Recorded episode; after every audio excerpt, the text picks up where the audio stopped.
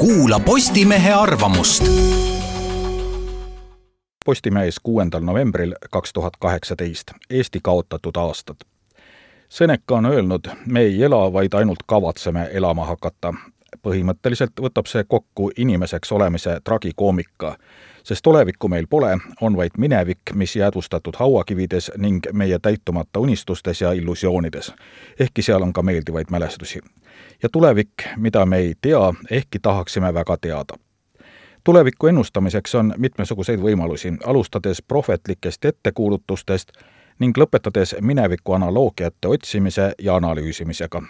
Selleks, et näha ette, mis saab ettevõtjate riigireformi algatusest, ei pea olema Igor Mang. mingi osa sellest kaaperdavad enne valimisi erakonnad, kuid suuremat osa neist soovitustest ei ole poliitikutel kavas järgida põhimõtteliselt on poliitikud selle juba välja öelnud, sellest on kahju.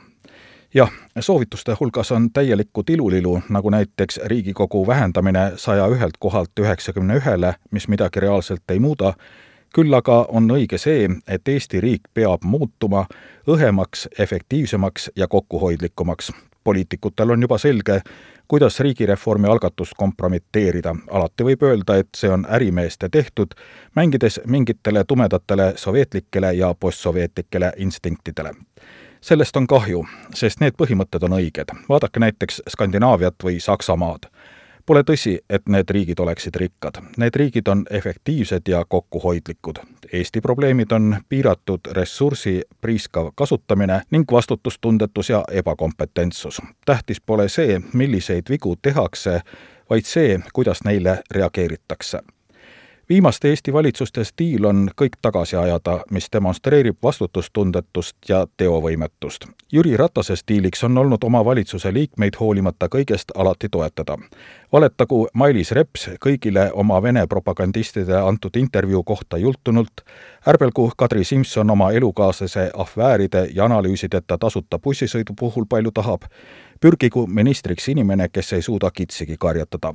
tähtis on mitte puutuda ja kaitsta või vaadake Riina Sikkuti reaktsiooni Riigikontrolli kriitilisele auditile, paralleelsed vastused konkreetsetele küsimustele, lahenduseks teravatele probleemidele aga plakatid stiilis au NLKP-le.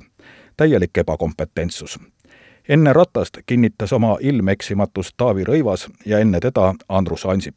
mäletate jutte, et Eesti riik on super-puper, vajab ainult peenhäälestust Pole ime, et selline infantiilsus viib pettumiseni, seda enam, et selline jama kestab jämedalt öeldes juba kümme aastat. ettevõtjate pettumus võttis riigireformi algatuse kuju ja kui me ei taha veel kümmet aastat kaotada, tuleb seesugustesse ettepanekutesse tähelepanelikult suhtuda